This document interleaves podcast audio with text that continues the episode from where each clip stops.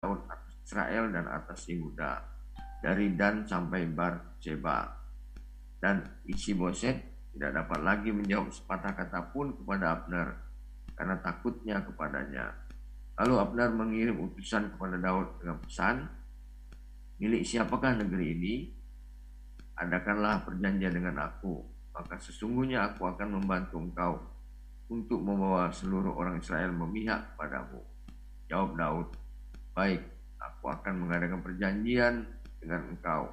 Hanya satu hal kuminta daripadamu, jadi engkau tidak akan menghadap aku kecuali jika engkau membawa lebih dahulu Mikal, anak perempuan Saul. Apabila engkau datang menghadap aku. Daud mengirim utusan juga kepada isi Boset, anak Saul, dengan pesan, berikanlah istriku Mikal, jika telah kuperoleh dengan seratus kulit katan orang Filistin. Lalu isi Boset menyuruh mengambil perempuan itu daripada suaminya yakni Paltiel bin Lais dan suaminya berjalan bersama-sama dengan dia sambil mengikuti dia dengan menangis sampai ke Bah Urim. Lalu berkatalah Abner kepadanya, ayo pulanglah, maka pulanglah ia. Sementara itu berundinglah Abner dengan para tua-tua orang Israel. Katanya, telah lama kamu menghendaki Daud menjadi raja atas kamu.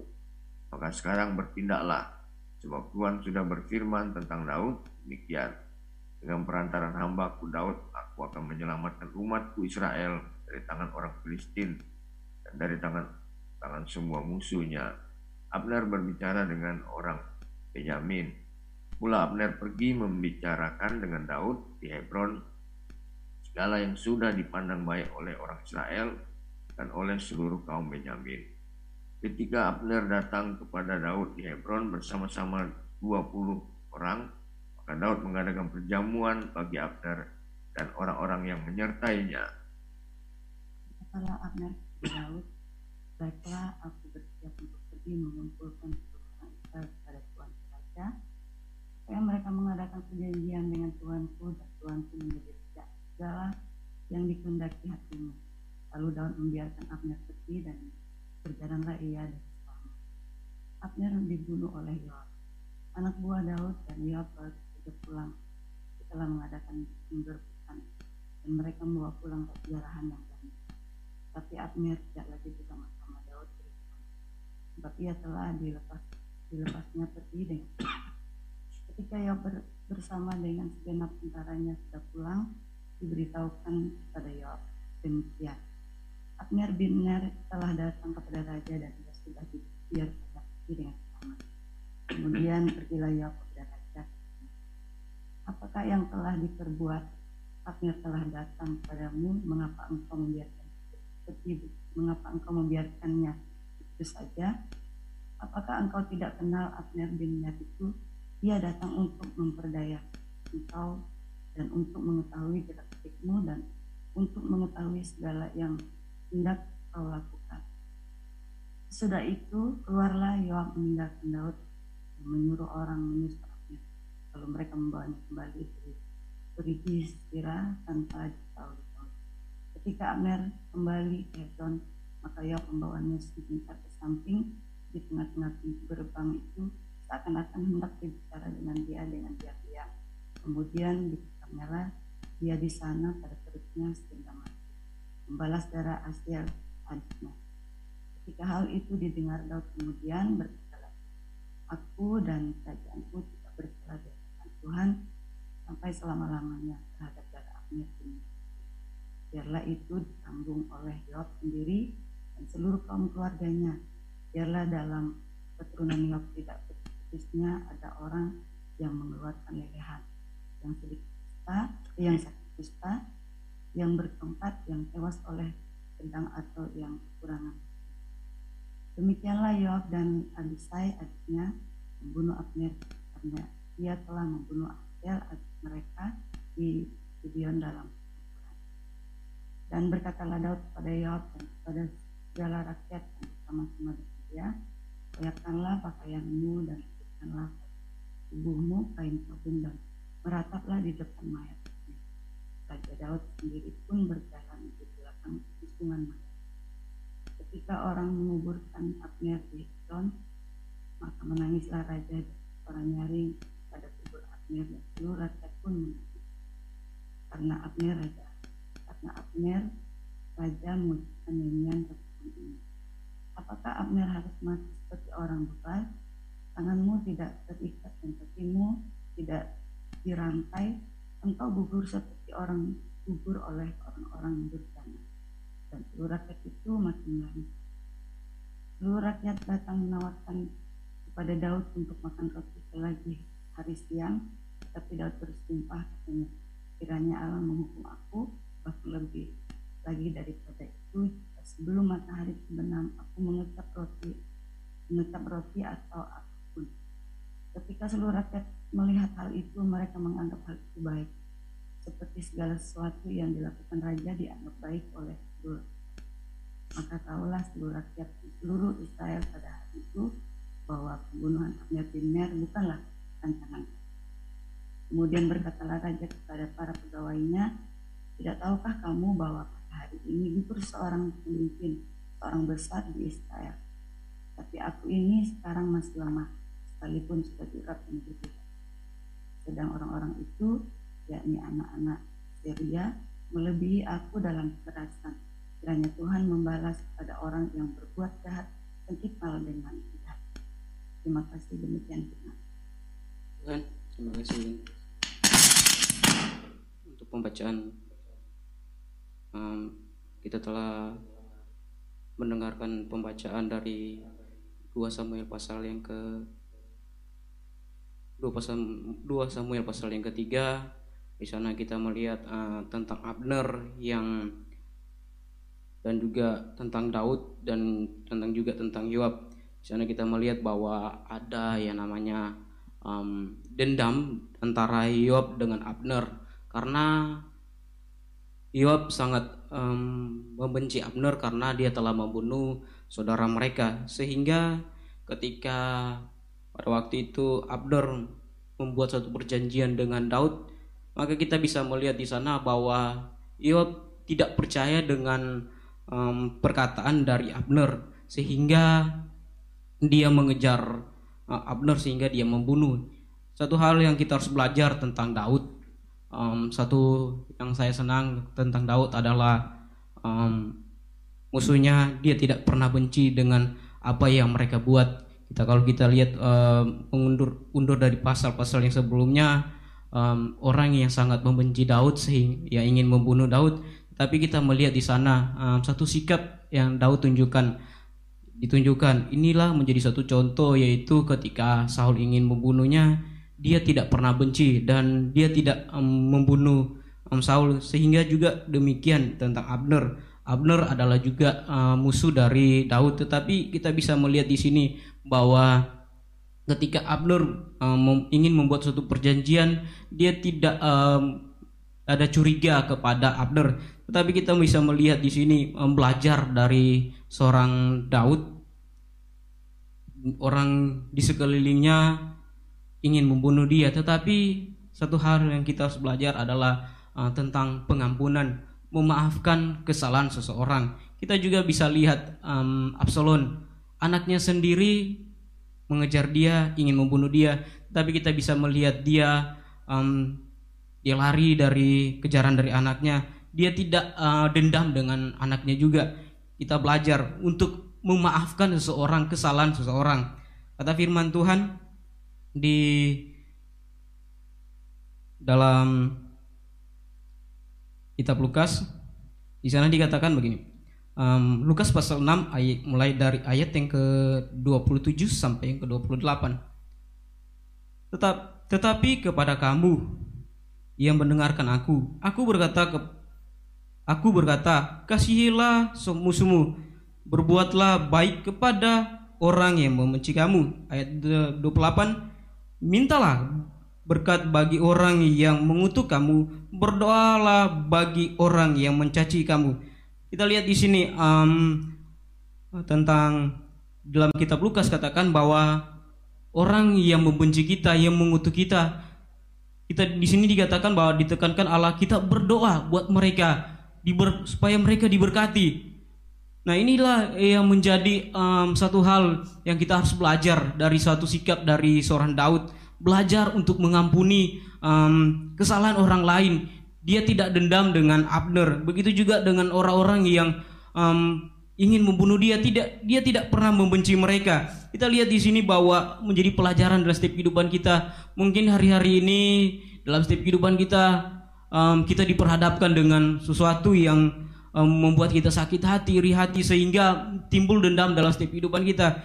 Tetapi kalau kita mempunyai uh, permasalahan dengan keluarga, rekan kerja, apalagi dalam satu jemaat mempunyai um, masalah pertengkaran, janganlah sampai kita membenci satu sama lain. Firman Firman Tuhan katakan bahwa ketika orang membenci kita, malahan kita berdoa kepada Tuhan untuk mereka diberkati. Saudaraku yang dikasih dalam Tuhan Yesus Kristus, ketika saya membaca kebenaran firman Tuhan dan beberapa bulan yang lalu saya pernah bercerita dengan saudara saya satu hal yang dia alami dalam setiap kehidupannya orang lain katakan bahwa uh, dia menghujat mereka sehingga mencaci mereka. Saya kutip um, um, kata-kata yaitu berdoa dan memberkati mereka dan bersyukur dengan apa yang dialami. Setiap dalam setiap kehidupan kita diperhadapkan dengan ujian yang sangat tidak gampang kita lalui. Tetapi kita belajar untuk um, berdoa untuk meminta kepada Tuhan untuk memberkati. Jangan kita ketika orang mengutuki mengutuki mengutuki kita, kita mengutuki mereka kembali, tetapi kita balas dengan berkat kepada orang lain. Um, um, saudara kata, saudara saya katakan bahwa ketika dia berdoa untuk um, memberkati orang lain, orang yang mencacinya, di sana dia katakan bahwa um, ada hal yang sangat luar biasa yang Tuhan tunjukkan, yaitu adalah berkat. Jadi saudara yang dikasih dalam Tuhan Yesus Kristus bahwa penderitaan manusia, ujian uh, manusia beriringin dengan berkat yang ada. Itu sebabnya kalau orang membenci kita, maka kita harus menunjukkan satu sikap adalah kita harus berdoa kepada Tuhan. Berdoa untuk um, berkat memberkati orang yang telah mengutuk kita, mengutuk kita sehingga orang biarpun mencaci kita kita harus berdoa kepada Tuhan. Jangan sampai um, timbul dendam dalam setiap kehidupan kita. Karena kalau orang yang sudah uh, dendam maka firman Tuhan katakan bahwa dalam firman Tuhan katakan bahwa um, saya bacakan um, dalam satu Yohanes pasal yang kedua tetapi barang siapa membenci saudaranya ia berada dalam kegelapan dan hidupnya di dalam kegelapan. Ia tidak tahu ke mana ia pergi karena kegelapan itu telah membutakan matanya. Jadi jangan sampai ke dalam setiap kehidupan kita timbul yang namanya ke, kebencian, dendam kepada orang lain. Jangan sampai um, kegelapan mem, mem, menguasai kehidupan kita sebagai orang-orang yang percaya kepada Tuhan. Kita dikatakan bahwa kita adalah anak-anak Tuhan. Tapi kita harus tunjukkan uh, satu sifat kita adalah anak Tuhan adalah untuk belajar untuk mengampuni, mengampuni kesalahan orang lain.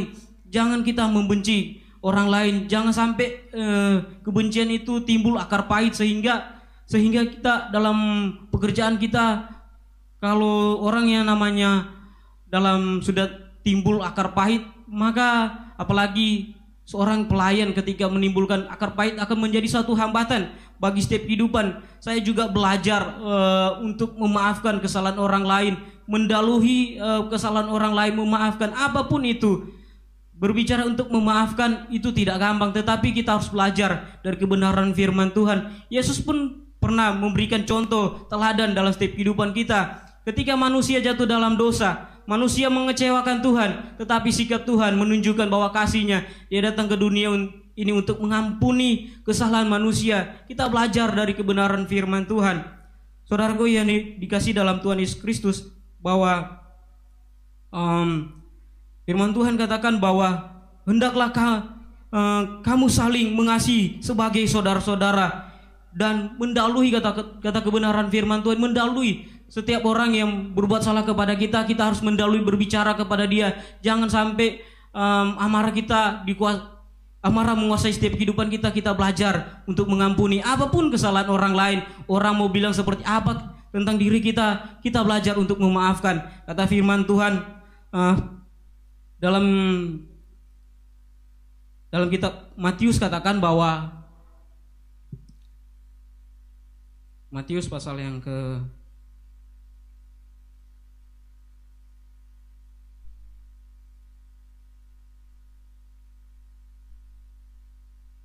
Matius pasal yang kedua Matius 6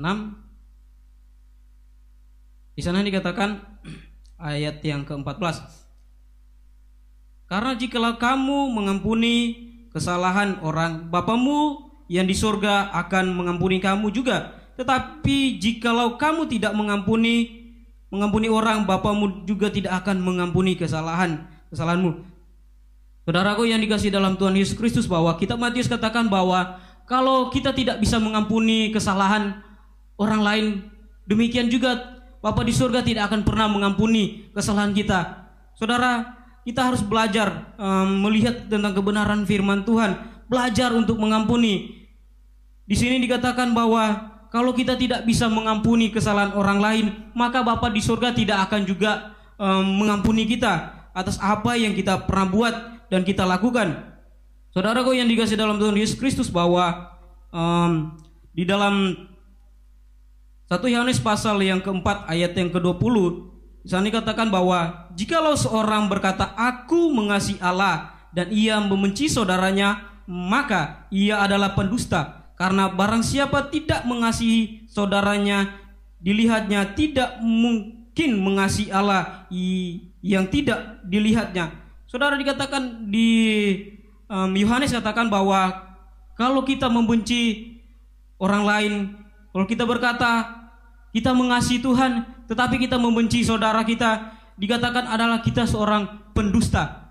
Jangan sampai ini terjadi dalam setiap kehidupan kita menjadi orang pendusta. Kita katakan, um, aku mengasihi engkau Tuhan, tetapi kita membenci saudara kita, kerabat kita, apalagi di dalam satu gereja, kita berorganisasi dalam satu persekutuan, maka kita harus uh, belajar untuk saling mengampuni, saling memaafkan.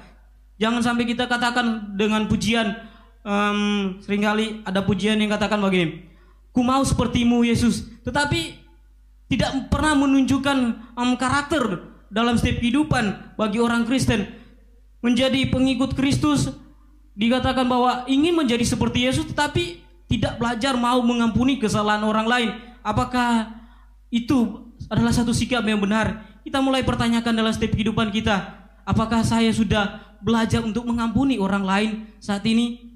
Kita kita belajar dan berdoa kepada Tuhan Belajar berdoa kepada Tuhan untuk memberkati orang yang mengutuk yang mencaci kita. Firman Tuhan dalam Pemasmur Saudaraku yang dikasih dalam Tuhan Yesus Kristus bahwa di sana dikatakan bahwa Pemasmur 133 ayat yang ketiga um, ayat 1 nyanyian siara Daud sungguh alangkah baiknya dan indahnya apabila saudara-saudara diam bersama-sama dengan rukun. Saudaraku yang dikasih dalam Tuhan Yesus Kristus bahwa Daud katakan uh, apabila saudara-saudara diam bersama-sama bers, diam bersama dengan rukun. Saudara um, dalam persekutuan dalam satu organisasi kita juga harus belajar untuk rukun satu sama lain. Apa pun kesalahan orang lain kita belajar untuk mengampuni kesalahan orang lain. Itu Tuhan mau yang Tuhan mau dalam setiap kehidupan kita adalah kita belajar untuk mengampuni kesalahan orang lain. Jangan kita um, menyimpan um, kesalahan orang lain sehingga um, sampai berlarut-larut. Jangan sampai itu menjadi suatu hambatan. Janganlah membalas kejahatan dengan kejahatan. Lakukanlah apa apa yang baik bagi semua orang. Dan Roma kata Roma 12 ayat Roma 12 ayat 14 berkati Berkatilah siapa yang menganiaya kamu, berkatilah dan jangan mengutuk. Dan juga kita lihat dalam kebenaran firman Tuhan di dalam Roma katakan bahwa kita harus e, memberkati siapa yang menganiaya kita, membenci kita, kita harus memberkati mereka. Jangan sampai um, kesalah amarah mereka amarah dalam setiap kehidupan kita, menguasai dalam setiap kehidupan kita karena um, amarah itu bisa membawa kita kepada um, kita bisa lihat dalam Yoab amarah yang telah menguasai sehingga dia digelapkan um, oleh um, dendam atas saudara yang telah dibunuh oleh Abdur. Kita lihat bahwa dia membunuh Abdur sehingga inilah dendam yang sangat mendalam akar pahit yang timbul sehingga digelapkan sehingga dia buta untuk melihat ke depan sehingga dia membunuh Abdur. Itulah sebabnya jangan sampai dalam setiap kehidupan kita kalau kita membenci jangan sampai menjadi hal-hal yang um, buruk terjadi dalam setiap kehidupan kita. Tuhan mau kita belajar untuk mengasihi. Kalau kita belajar untuk mengasihi sesama, maka Tuhan juga akan mengasihi kita dan Tuhan akan mengampuni kesalahan kita. Itu sebabnya kita belajar dari seorang Daud untuk mengampuni kesalahan orang lain, kesalahan orang lain, apa pun perkataan orang lain kepada kita, kita katakan puji Tuhan dan kita berkat dan kita berdoa untuk mereka jangan sampai kita membenci. Itu sebabnya jangan Jangan sampai ada akar pahit dalam setiap kehidupan kita. Belajarlah untuk memaafkan, belajarlah untuk mendaluhi, berbicara kepada orang lain untuk memaafkan mereka. Karena jangan sampai itu juga menjadi hambatan uh, dalam perjalanan dalam setiap kehidupan kita dalam Quranian. Itu sebabnya mari kita belajar pada pagi hari ini menjadi renungan pada pagi hari ini. Kita belajar untuk memaafkan kesalahan orang lain. Puji Tuhan. Amin firman Tuhan saya kembalikan kepada.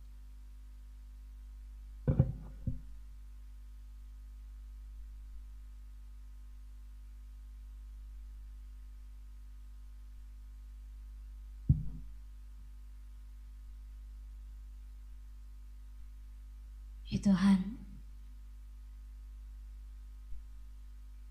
terima kasih Tuhan untuk firman-Mu.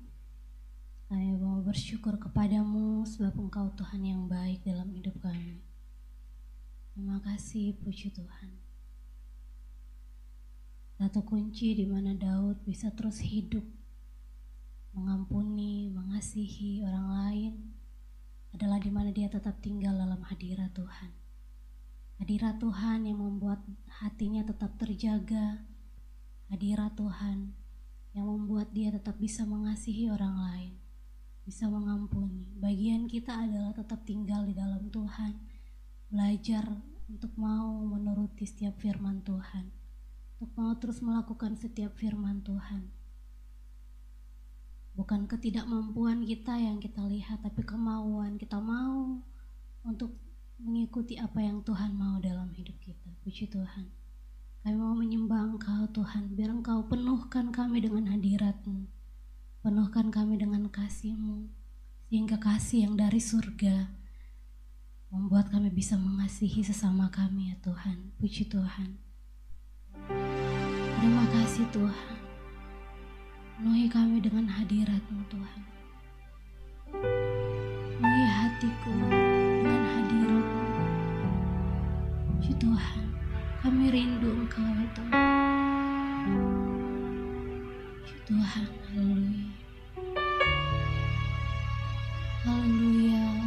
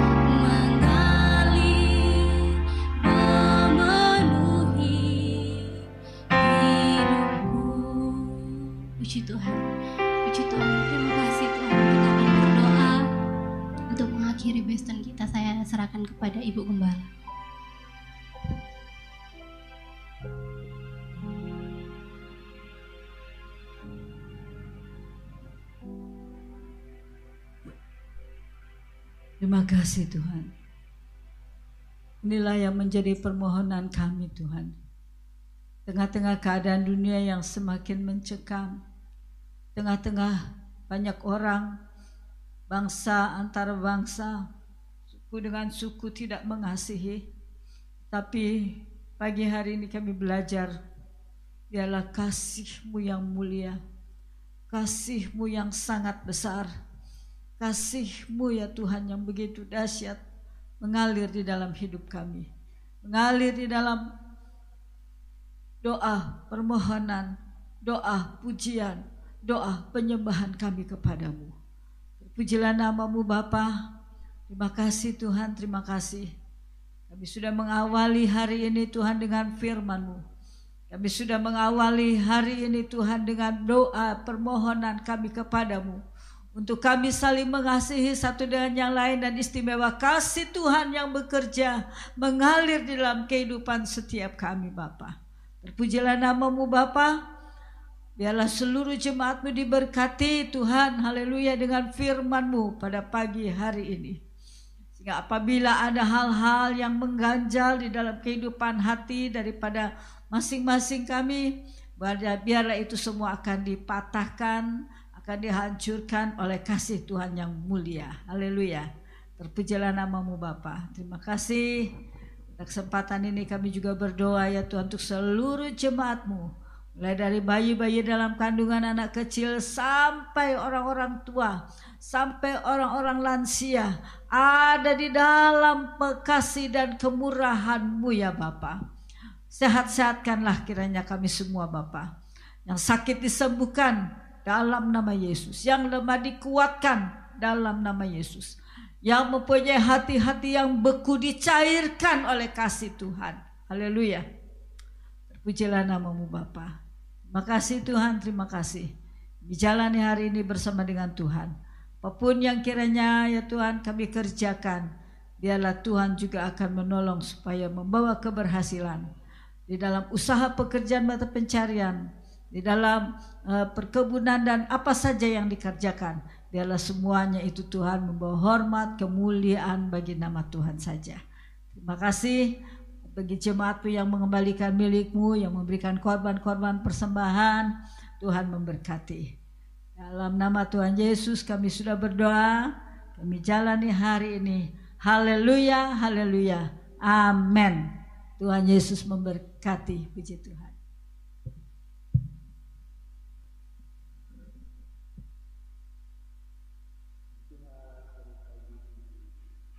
Yesus memberkati. Makasih Bapak Pusem. Memberkati dan Ibu.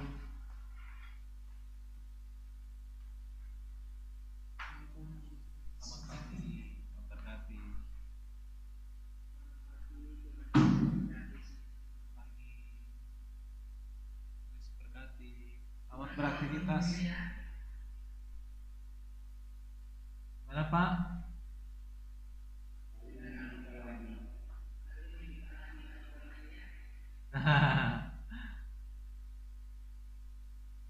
Sabtu sore itu saya lihat rame juga di jalan.